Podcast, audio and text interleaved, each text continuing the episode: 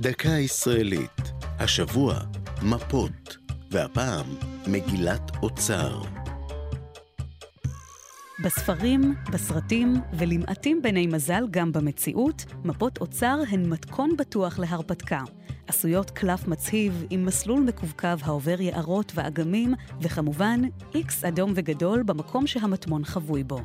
מגילת הנחושת, אחת ממגילות מדבר יהודה, היא מן הדוגמאות הקדומות ביותר למפות אוצר.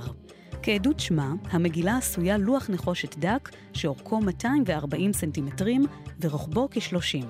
על הלוח המגולגל, שתחילתו לא נשמרה, חרוטה רשימה של 63 אוצרות חבויים, הכוללים כמויות עצומות של זהב, כסף, מטבעות וכלים מקרי ערך, שמשקלם הכולל מוערך בכמאה טונות. במגילת הנחושת צוינו מקומות מחבואם של האוצרות, במרחב המדברי בין ים המלח לירושלים. המגילה התגלתה בקומראן במדבר יהודה ב-1952, ומשערים כי היא נכתבה במחצית השנייה של המאה הראשונה. מימדיה ולשונה המעורפלת הובילו לתהיות בקרב חוקריה, האם מדובר ברשימה אמיתית או דמיונית. במשך השנים נעשו מספר ניסיונות חיפוש אחר אוצרות מגילת הנחושת, אך החיפושים לא העלו דבר. זו הייתה דקה ישראלית על מפות ומגילת אוצר.